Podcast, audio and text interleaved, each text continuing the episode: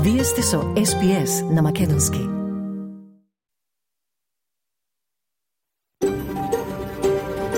SBS, a world of difference.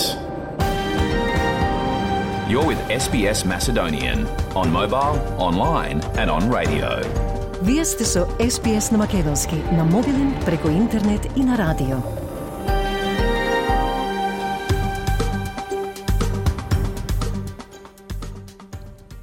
СБС им оддава признание на традиционалните собственици на земјата со почит кон народот Воронџери Бајоворанг, припадниците на нацијата Кулин, нивните минати и сегашни старешини и традиционалните собственици на сите земји на абориджините и народите на Торес Стрейт. Добар ден, денес петок, 22 септември, со вас ке биде Васе Коцев. По генералната најава, програмата ја продолжуваме со најновите вести од Австралија и светот, а по нив извештајат за најновите настани во Македонија, каде во центарот на вниманието се уште е преписката меѓу Христијан Мицковски и Никола Груевски, актуелниот и поранешниот лидер на ВМРО ДПМН, а Уставниот суд вчера оцени дека преспанскиот договор не е против уставен. Во продолжение вашето внимание, ќе се обидиме да го задржиме со прилог посветен на деменцијата и како да се живее здрав социјален живот и покрај болеста. Овој прилог се совпаѓа со неделата на акција против деменцијата, а по тој повод имаме и разговор со Верица Сајдос од Македонската добротворна организација од Нов Јужен Велс. Секако, тука се и минутите за спортот, со најава дека вечерва започнува традиционалниот македонски фудбалски куп за Викторија на терените на фудбалскиот клуб Алтона Меджик Вардар. Останете со нас, следуваат најновите вести.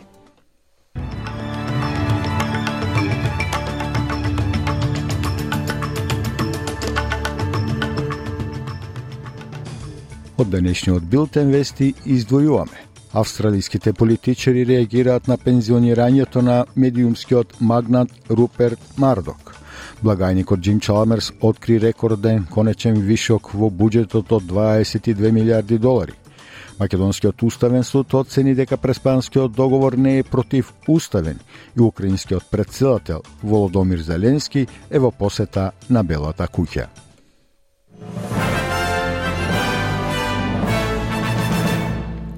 Австралиските политичари му дадоа почит на медиумскиот магнат Руперт Мардок по најавата дека ќе се повлече од функцијата лидер на Fox и News Corp. Господин Мардок ќе стане почесен председател на двете компании на состаноците на одборот во ноември. Неговиот син Локлан ќе стане председател на News Corp и ќе продолжи како главен извршен директор во Fox Corp. Министерот за образование Джейсон Клер и заменик лидерот на опозицијата Сузен Лей за Канал 7 изјавија дека мислат дека тој сепак ќе биде проминентен глас во медиумите. Oh, well, I think that Rupert Murdoch will still play a very big role in the media going forward. Um, whether he's chairman or not, it appears that he'll still play a very big role at, at, Fox and at News. He's keeping an eye on what's going on, that's for sure. But I think that somebody who's working and busy and engaged at 92 is a great message for all older Australians, actually.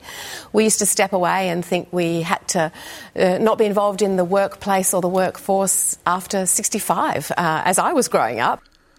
Благаникот Джим Чалмерс откри вишок од 22,1 милиарда долари, но вели дека не се очекува да трае. Вишокот објавен за финансиската година 2022-2023 е првпат во последните 15 години владата да донесе повеќе приходи отколку што потрошила. Лабористите ова го должат на подобрувањето на неочекуваниот приход поттикнат од стоки, како и на дополнителниот данок собрани од поединци на силниот пазар на работни места. Господин Чалмерс вели дека ова се очекува да биде само привремен вишок. We're still anticipating uh, a deficit uh, this year uh, and in the years after uh, in the budget. Uh, if obviously there is lots that can happen between now and when we hand down the budget next May. Uh, there's an element of unpredictability when it comes to revenue at the moment because the global economic environment is uncertain, particularly in China, and because the full impact of these interest rate rises has not yet bitten in our economy. Австралија разговараше со холандските власти за спроведувањето на правдата за убиените патници и екипажот на соборениот лет на Малезија Airlines MH17. Австралија работи со Холандија и Европската Унија за да ги координира санкциите за триот осудени од окружниот суд во Хаг во ноември 2022 година за нивниот придонес во соборувањето на MH17. Сите 298 луѓе во авионот загина, вклучително и 38 австралиски државјани или жители. Министерката за надворешни работи Пени Вонг е во Њујорк, каде присуствува на Генералното собрание на Обединетите нации и вели дека австралиската влада ќе се бори да ги осигура одговорните за нивното злосторство. I've just come from a very moving discussion uh, with the Netherlands and other representatives uh, of those nations involved in the joint investigation team into the uh, downing of MH17 by uh, the Russian Federation or those uh, uh, and which resulted in the tragic loss of so many lives. And we are committed to, remain committed to, pursuing truth, justice, and accountability. Федералната влада откри дека државните премиери би можеле да одлучат да направат истрага за одговорот на Австралија на пандемијата со COVID-19. Благајникот Джим Чалмерс исто така ја бранеше одлуката на неговата влада да формира 12 месечна истрага, но не и кралска комисија. Нема да се истражуваат одлуките за државите и териториите, што значи дека многу од контроверзните карактеристики на пандемијата, вклучително заклучувањата, затварањето училишта и мандати за маски, нема да паднат во центарот на вниманието. Заменик председателот на опозицијата Сузан Лей изјави за Канал 7 дека премиерот ги штити државните водачи. This is Anthony Albanese's COVID cop out, and I live on the border between New South Wales and Victoria. And for everyone today who absolutely knows this inquiry needs to go ahead. I want them to know that we're in your corner. For people who were smashed by those lockdowns, 32 closures across the Murray River, uh, the actions of the Premier of Victoria make people in my community angry now. Uh, this is the Prime Minister looking after his Labor mates. Виш водач на кланот Јолну и активист за граѓански права од северната територија вели дека ќе гласа не на референдумот домороден глас до парламентот и тврди дека гласањето за е уште еден чекор кон асимилација. Пречесниот доктор Джинјини Гондара вели дека гласот не може да ги застапува ставовите на сите луѓе од првите нации и тој верува дека тоа би го понижило суверенитетот. Тоа доаѓа откако Советот на Дилак се состана со премиерот на фестивалот Гарма во август за да ја изрази својата подршка за гласот. Пречесниот Гондара вели дека ќе продолжи да се залага за договор. I call for treaty. Treaty now. As Manda was saying, you to India, treaty now, I never been happen in his lifetime. When he hope to see a treaty through you to India. Последиците од одлуката на федералната влада да ги блокира дополнителните летови од Катар Airways се испитуваат во истрагата на Сенетот денес. Истрагата ги слушна представниците на земјоделството, кои велат дека влијанието на одлуката се проширило надвор од патниците и авионските билети. Катар потроши 135 милиони долари на разладено, односно замрзнато австралиско говецко месо и овци во кути, што го прави трет поголеми на пазар на Блискиот Исток и Северна Африка во извозот. Преспанскиот договор е во согласност со македонскиот устав, па уставниот суд по пет години едногласно одлучи да не поведе постапка за оценување на уставноста на законот за ратификација на договорот со кој се смени уставното име на Македонија. Иако законот беше објавен само со подпис на председателот на собранието Талат Джафери, без подпис на тогашниот председател Ѓорѓе Иванов, судиите одлучиле да ја отфрлат иницијативата за оценување на уставноста на указот, бидејќи тој не представувал пропис. Добрила Кацарска, председател на Уставниот суд, на пресконференцијата вчера изјави. Уставниот суд цени дека указот не содржи правни норми, не е пропис Тоа е дел од процедурата и кога Уставниот суд укинува или поништува закон, указот не се укинува посебно. Волјата на пратениците се персонифицира со волјата на граѓаните, наспроти волјата на само еден човек. Председателот на Светскиот македонски конгрес, Тодор Петров, како еден од подносителите на иницијативата за медиумите, вели дека без указ нема закон. Тој вели дека одлуката на Уставниот суд е неправда и доказ за неправна држава, дека не може договорот што ја погазува волјата на граѓаните, искажена на референдумот од 8 септември 1991 година. Украинскиот председател Володомир Зеленски е во посета на Белата куќа на средба со американскиот председател Џо Бајден.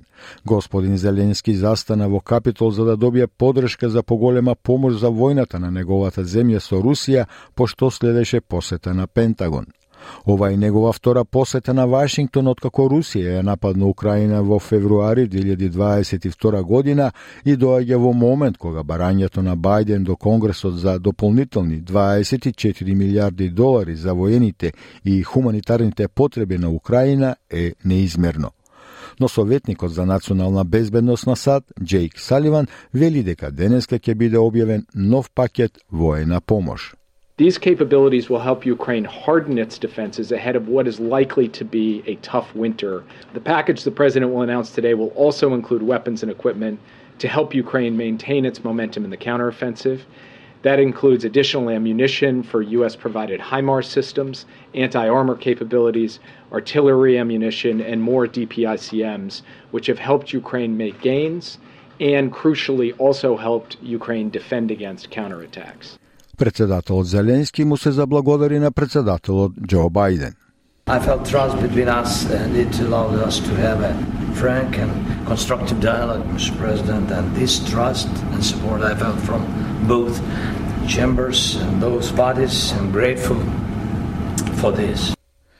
Експертите велат дека светскиот ден на Алцхаймеровата болест е одбележан на глобално ниво во вклучно време во истражувањето на болеста. Повеќе од 55 милиони луѓе страдаат од дегенеративната и неизлечива болест на мозокот, но научниците велат дека ова е возбудливо време со вистински напредок. Клиничките испитувања покажуваат дека два лека сега бараат регулаторно одобрение и истражувачите велат дека другите лекови во развој се ветувачки. Доктор Стефани Фаулер е невронаучник во Институтот за истражување на деменција во Велика Британија и Институтот за откривање лекови на UASL, таа вели дека за прв пат можеме да видиме дека Алцхаймеровата болест повеќе не е нерешлива. Имаме многу јасен пат за намалување на сериозноста и забавување на развојот на болеста. For the first time we can see that Alzheimer's disease is no longer intractable.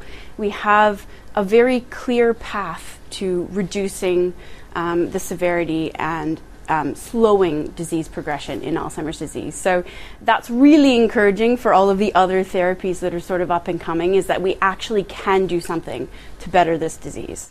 Повеќе од 400.000 луѓе живеат со деменција во Австралија и таа останува втората највисока причина за смртност.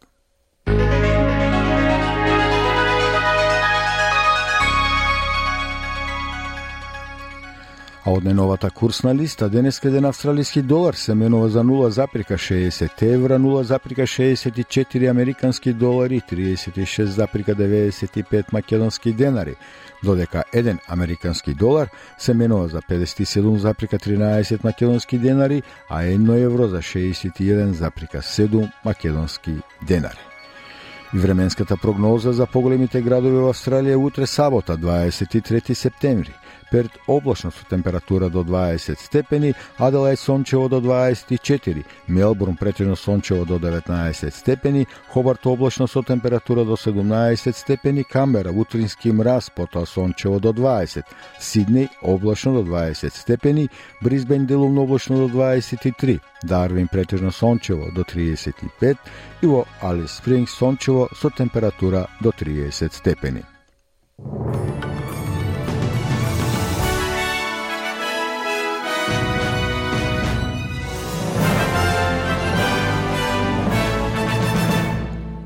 На програмата на македонски јазик на Изглес радио ги слушавте најновите вести. Денешните вести можете да ги најдете полоцна на на нашата веб страница sbs.com.eu косацрта Macedonian, но и на Facebook страницата SBS Macedonian.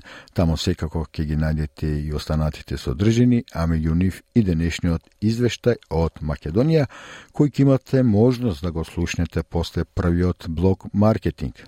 Во меѓувреме да ве подсетам дека SBS го ажурира својот распоред на радио. Од 5 октомври ви носиме 6 програми неделно. Слушајте не во живо од понеделник до петок, точно напладне во 12 часот, со реприза во сабота исто така во 12 часот на SBS 1. А за да дознаете повеќе за овој распоред, можете да ја посетите веб страницата sbs.com.eu коса црта аудио.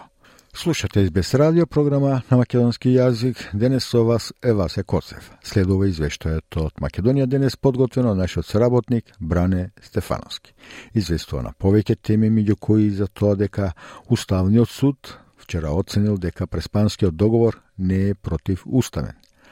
Македонија не ги оправдува десетиците милиони евра добиени од Брисел, пренесува евроамбасадорот Ричард Гир а Мицкоски и Груевски продолжија со преписките преку социјалните мрежи, а у меѓувреме СДСМ пак оценува дека во ВМРО ДПМН постои внатрешен раздор. Поопшено за овие настани во извештајот.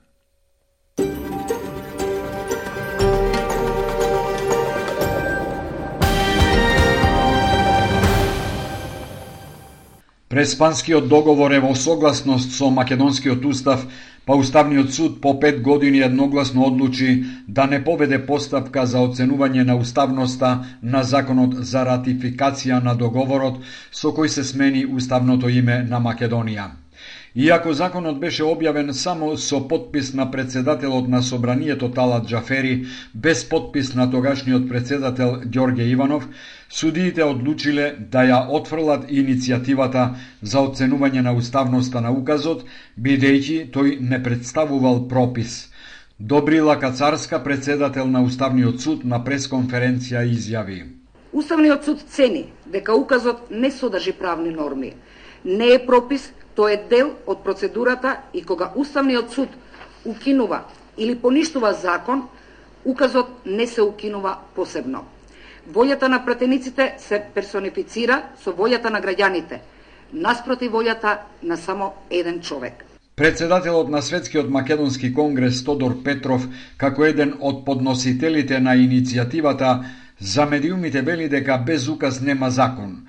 Тој вели дека одлуката на Уставниот суд е неправда и доказ за неправна држава, дека не може договорот да ја погазува волјата на граѓаните, искажана на референдумот од 8 септември 91-та.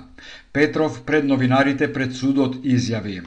Уставните суди ја легитими, го легитимира злосторничкото здружение, со владата во суспензија на правата и слободите и на, на граѓаните и на уставно-правниот поредок на државата.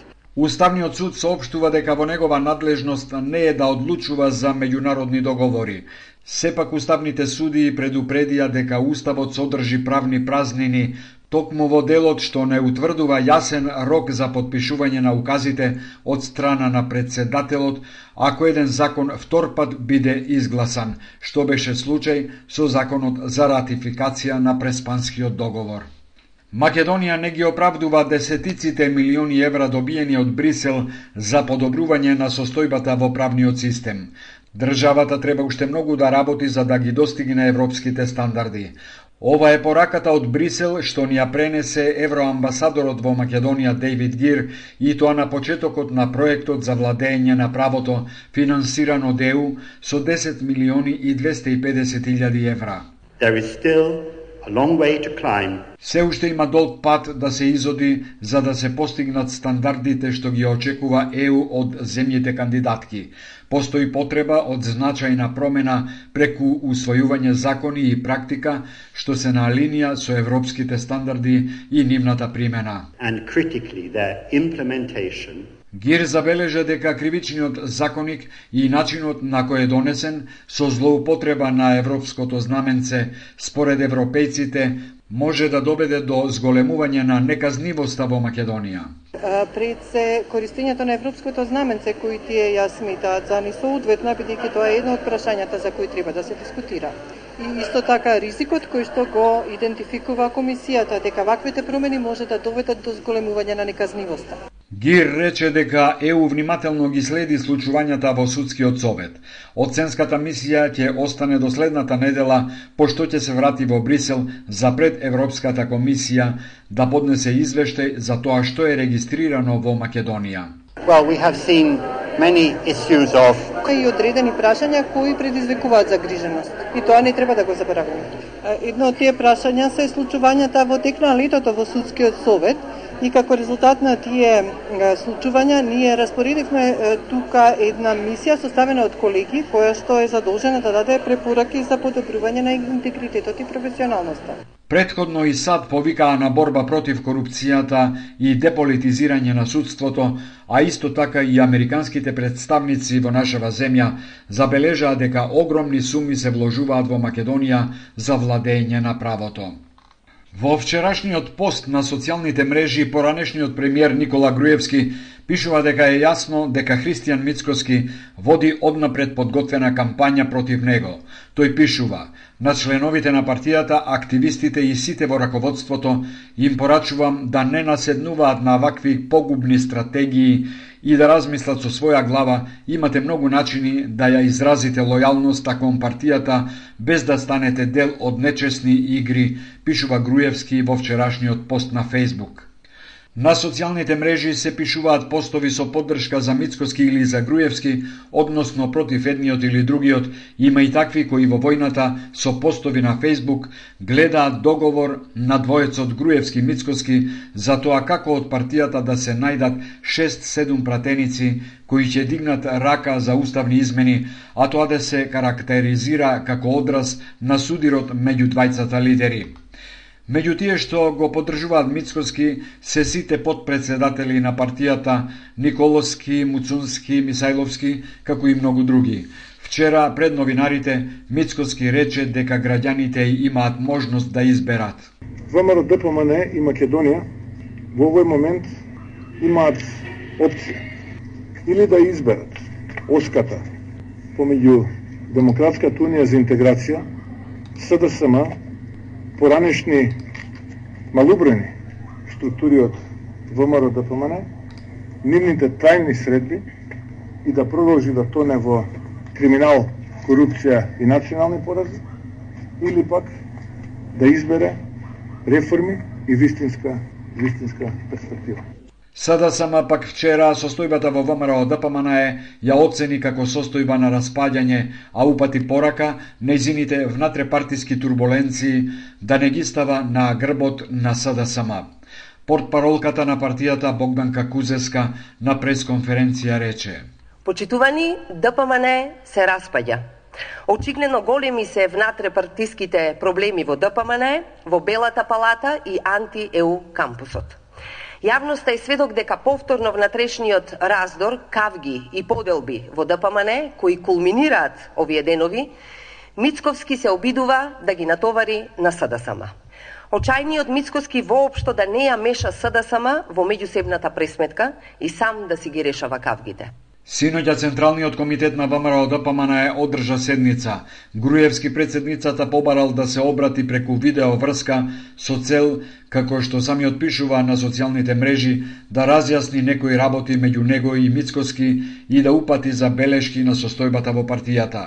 Во сообштението што го објави ВМРО ДПМН во време на седницата, ваквата можност не се спомнува. Во сообштението се вели – Се реафирмираа ставовите што беа изнесени во јавноста минатите денови, а тоа е дека ВМРО ДПМН е го осуети планот на власта на оската ДУИ СДС и поранешни функционери на опозицијата кои одлучиле да се стават на нивно располагање преку валкани дилови за причини само ним познати, ако и директно ќе одат на штета на македонскиот народ. Дополнително се потврди силната кохезија што ја има пратеничката група на ВМРО ДПМН и коалицијата од почеток до крај сите 44 пратеници, а во однос на неприфаќање на уставни измени под бугарски диктат, се вели во сообщението на ВМРО ДПМН издадено во време на седницата на Централниот комитет.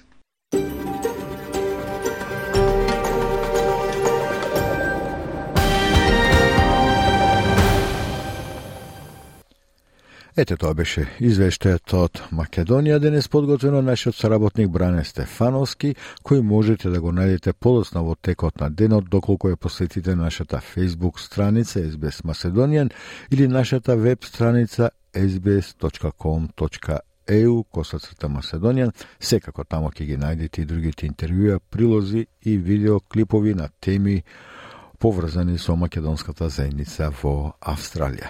Во меѓувреме, уште неш да ве подсетам почитувани дека СБС радио го ажурира својот распоред на радио.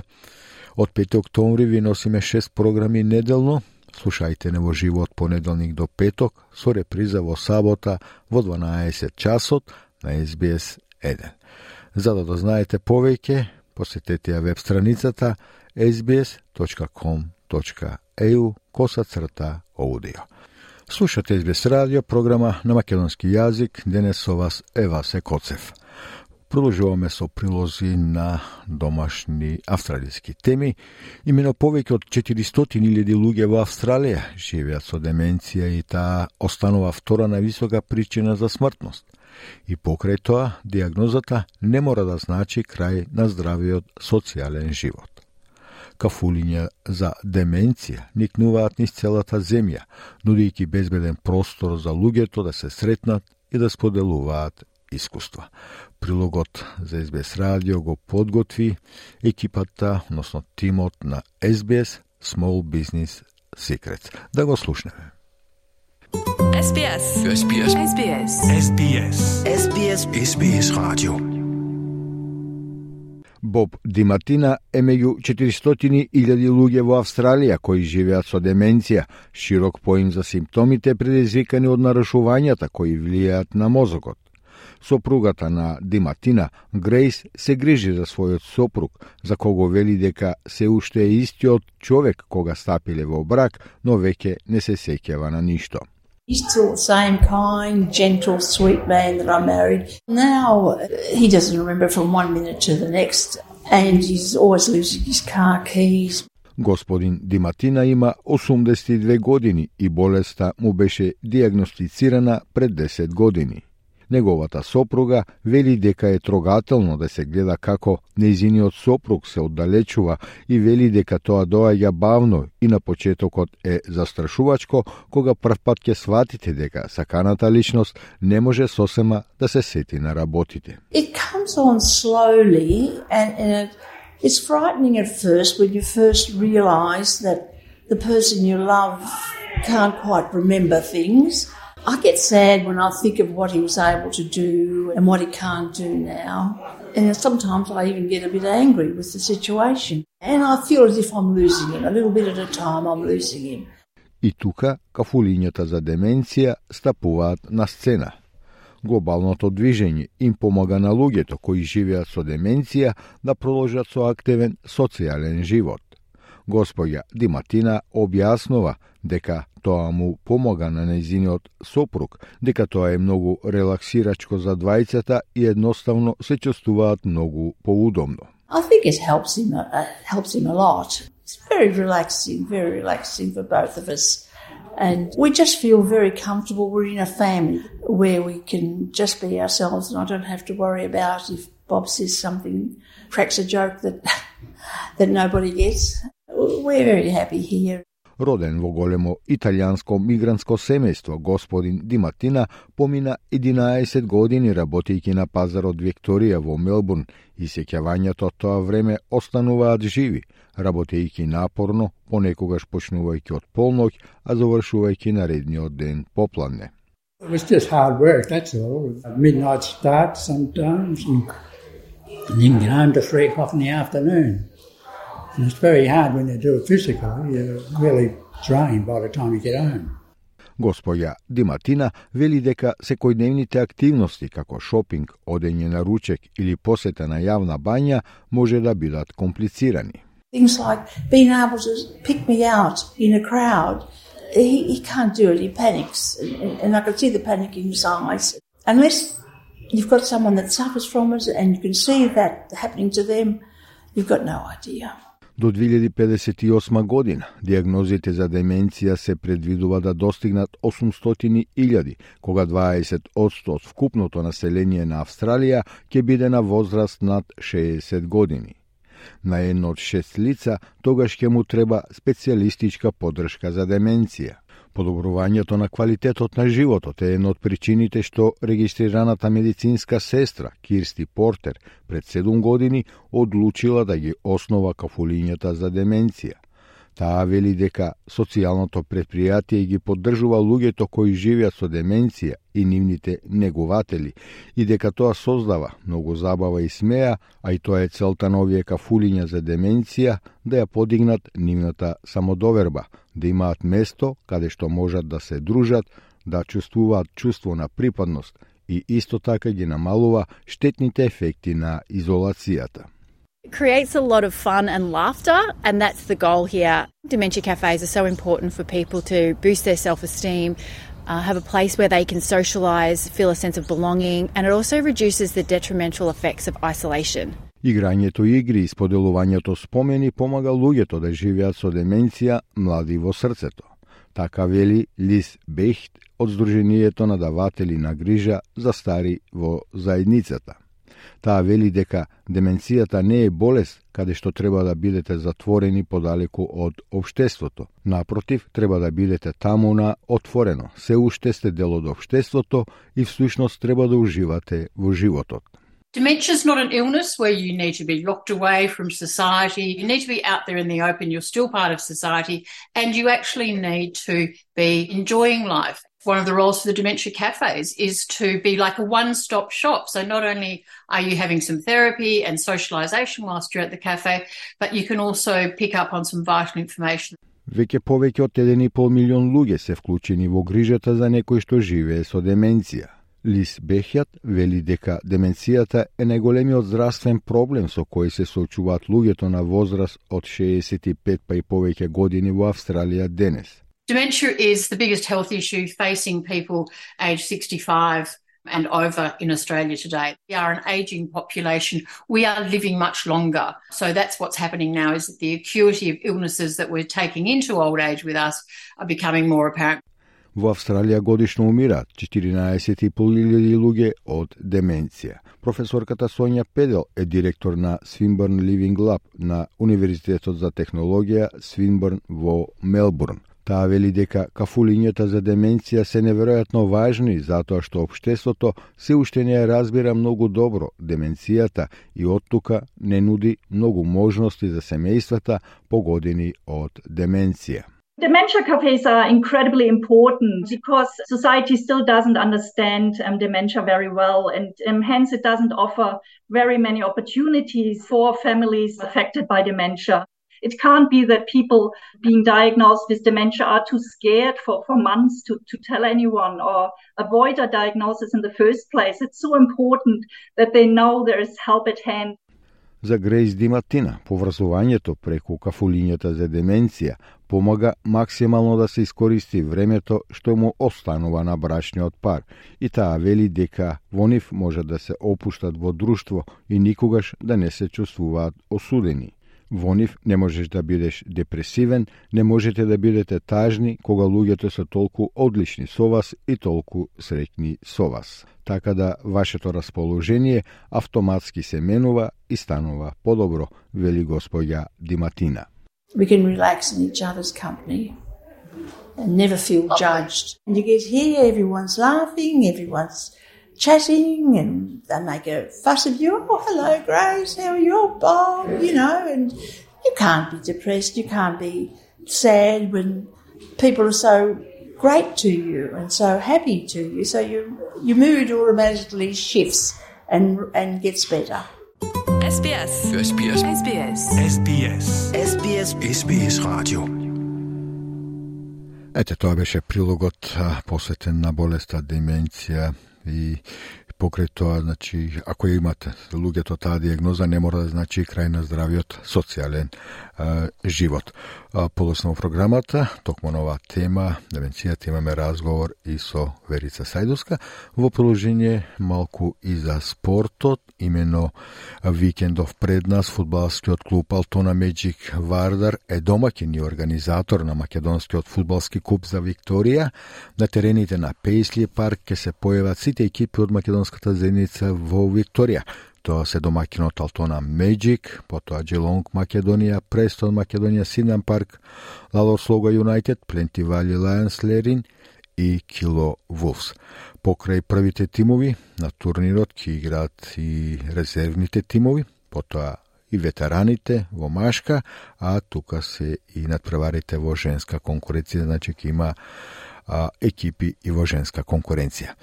Имено надпреварите започнуваат вечерва, петок со почеток во 6 часот и 30 минути кога играат Престон Македонија и Сиднам Парк, а пони Филтона Меджик со Джелонг Македонија. Надпреварите продолжуваат во сабота, кога ќе играат и првите тимови резервните во женска конкуренција, а финалните надпревари се закажени во недела кога сме кај организаторот на Македонскиот фудбалски куп за Викторија Алтона Меджик Вардар, да најавиме дека клубот ја продолжи соработката со тренерот Џон Марковски, но затоа пак едниот од фамилијата Марковски, тоа најдобриот стрелец во премиер лигата на Викторија за минатата сезона со 19 голови, Джонас Марковски го напушта клубот и преминува во А лигашот Бризбен Роар и А лигата ќе биде секако негов нов предизвик. Инако Джонас Марковски одигра вкупно 62 надпревари за Алтона, да подсетиме минатата што току завршена сезона му беше најуспешна со 19 постигнати голови. А најдобриот стрелец во Националната премиер лига на Нов Јужен Велс, членот на Рокдел Илинден, Алекс Урошевски е прогласен пак за најдобар играч во лигата во Нов Јужен Велс, премиер лигата за минатата сезона. Урошевски на 30 надпревари постигна 27 голови. Значи, 10 повеќе од после второпласираниот најдобар стрелец. За него на вистина успешна сезона за Леко Рошевски, заслужено доби наградата најдобар играч, а Рокдел Илинден е прогласен за неуспешен клуб во Чемпионшип, иако го освои второто место во регуларен дел од сезоната. И само да подсетиме дека и Бродмедо Меджик играше во големото финале во премиер лигата на северниот регион на Нов Јужен Велс.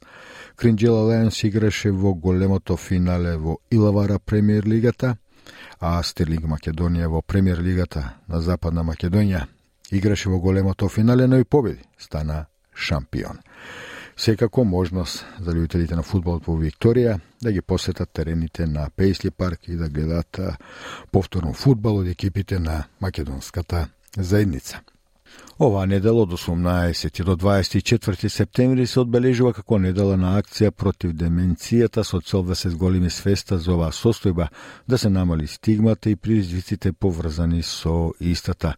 Имено во Австралија според проценките сега има околу 400.000 австралици кои живеат со деменција, број што се очекува да се зголеми во следните години. А, денеска го продолжуваме разговорот со господја Верица Сајдовска од Македонската добротворна организација од Нов Јужен Велс, една од редките организации кои обезбедуваат грижа креирана според специфичните потреби на македонците во подминати години во Австралија. Со Верица Сајдовска разговара колешката Радица Бојковска Димитровска.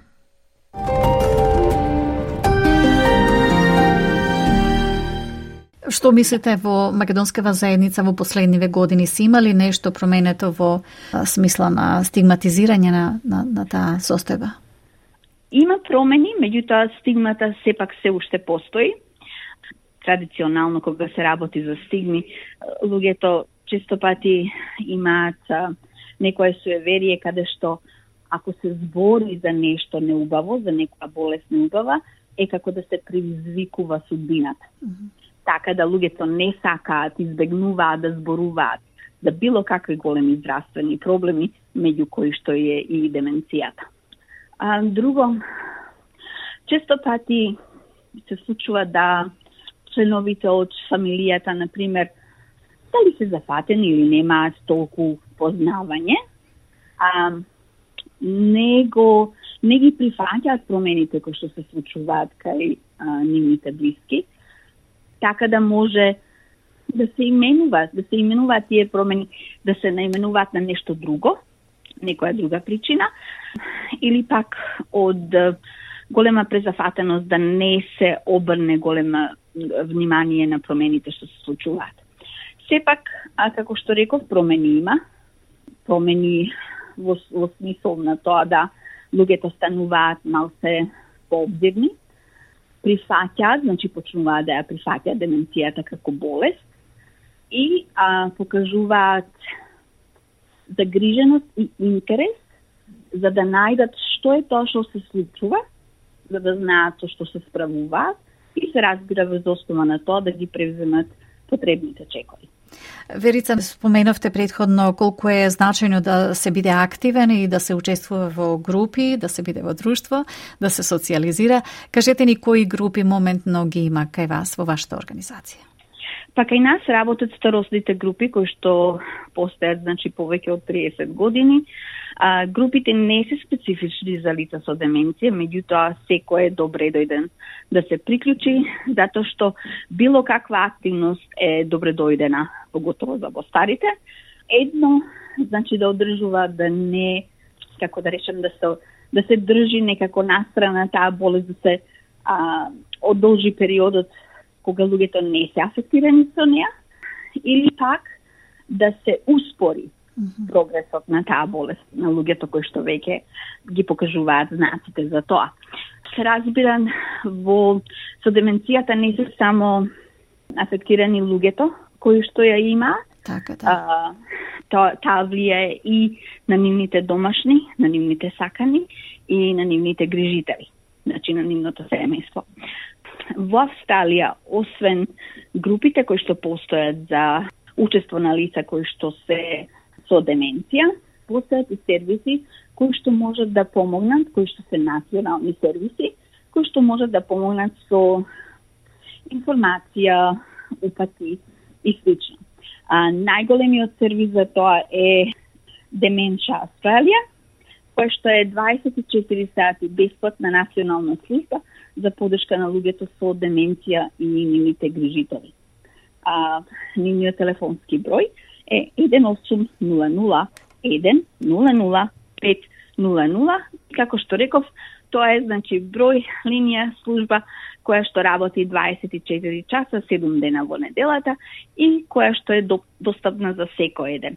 Бесплатна, едноставно да да ја искажат својата загриженост, да добијат информација за што понатаму, каде да се обратат за нешто повеќе, што да очекуваат и како подобро да се припремат. Минатиот пат кога разговаравме со вас Верица ни кажавте дека има бројни волонтери добровол, кои доброволно работат во вашата организација и една од активностите е готвење македонска храна за за постарите. Дали уште ја го обезбедувате ова? Да, да, да. Таа служба продолжува и е многу популарна. И интересна работа е што тоа, мислам, зборуваме за деменцијата. Интересно е што луѓето од македонско потекло, кои што се афектирани со деменција, апсолутно уживаат во традиционалната македонска храна што му ја набавуваме ние, што ја готвиме и му ја носиме.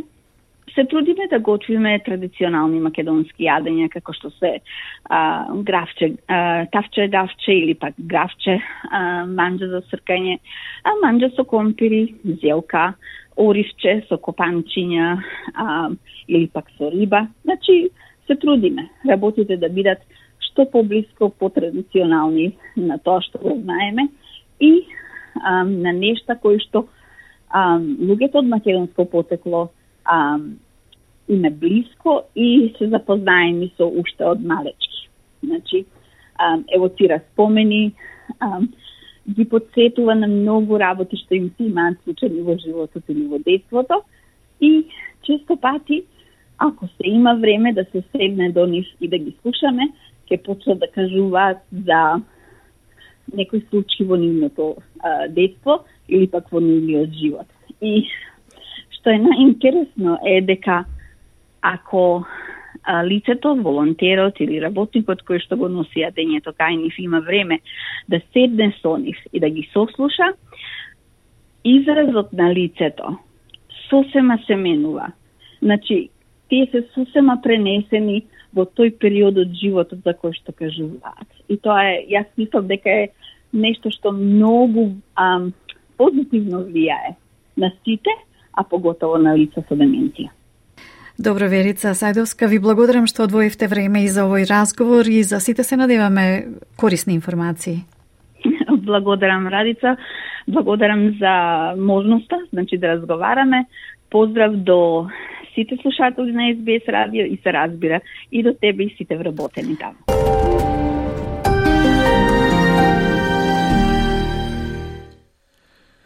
Ете со разговорот со Верице Сајдовска од Македонската добротворна организација од No Fusion Will, со кого разговараше колешката Радица Бојковска Димитровска. А, по повод неделата на акција против деменцијата, стигаме полека и до самиот крај на денешнава програма, пред да ги слушнеме уште еднаш најновите а, настани, да едно сообщение, а, Комуналското културно-социјално друштво Карпош по повод 11 октомври, денот на востанието на македонскиот народ и 40 годишниот јубилеј на друштвото од постоењето, организира сечен годишен бал во сабота на 7 октомври 2023 година во Фераро Ресепшн во Мелбурн во Кемберфелд. Секој е добре дојден, а за информации и резервации можете да се обратите до членот на управата господинот Раде Додевски на телефон 0432 934 512. А сега да се подсетиме и на најважните настани на денот.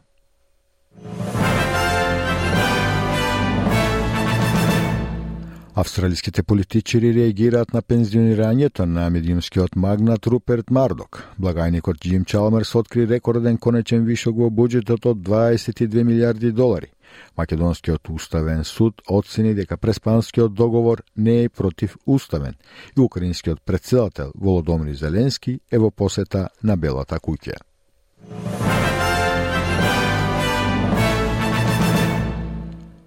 И со тоа, почитувани слушатели, стигнавме до самиот крај на денешнава програма. Денес со вас беше Васе Коцев. Ви благодарам за вниманието. Имајте пријатно попладне, пријатен викенд и не заборавете, во понеделник, точно напладне бидете повторно со програмата на македонски јазик. Ве оставам со една убава македонска песна. Сакате ли да чуете повеќе прилози како овој? Слушате подкаст преку Apple Podcasts, Google Podcasts, Spotify или од каде и да ги добивате вашите подкасти.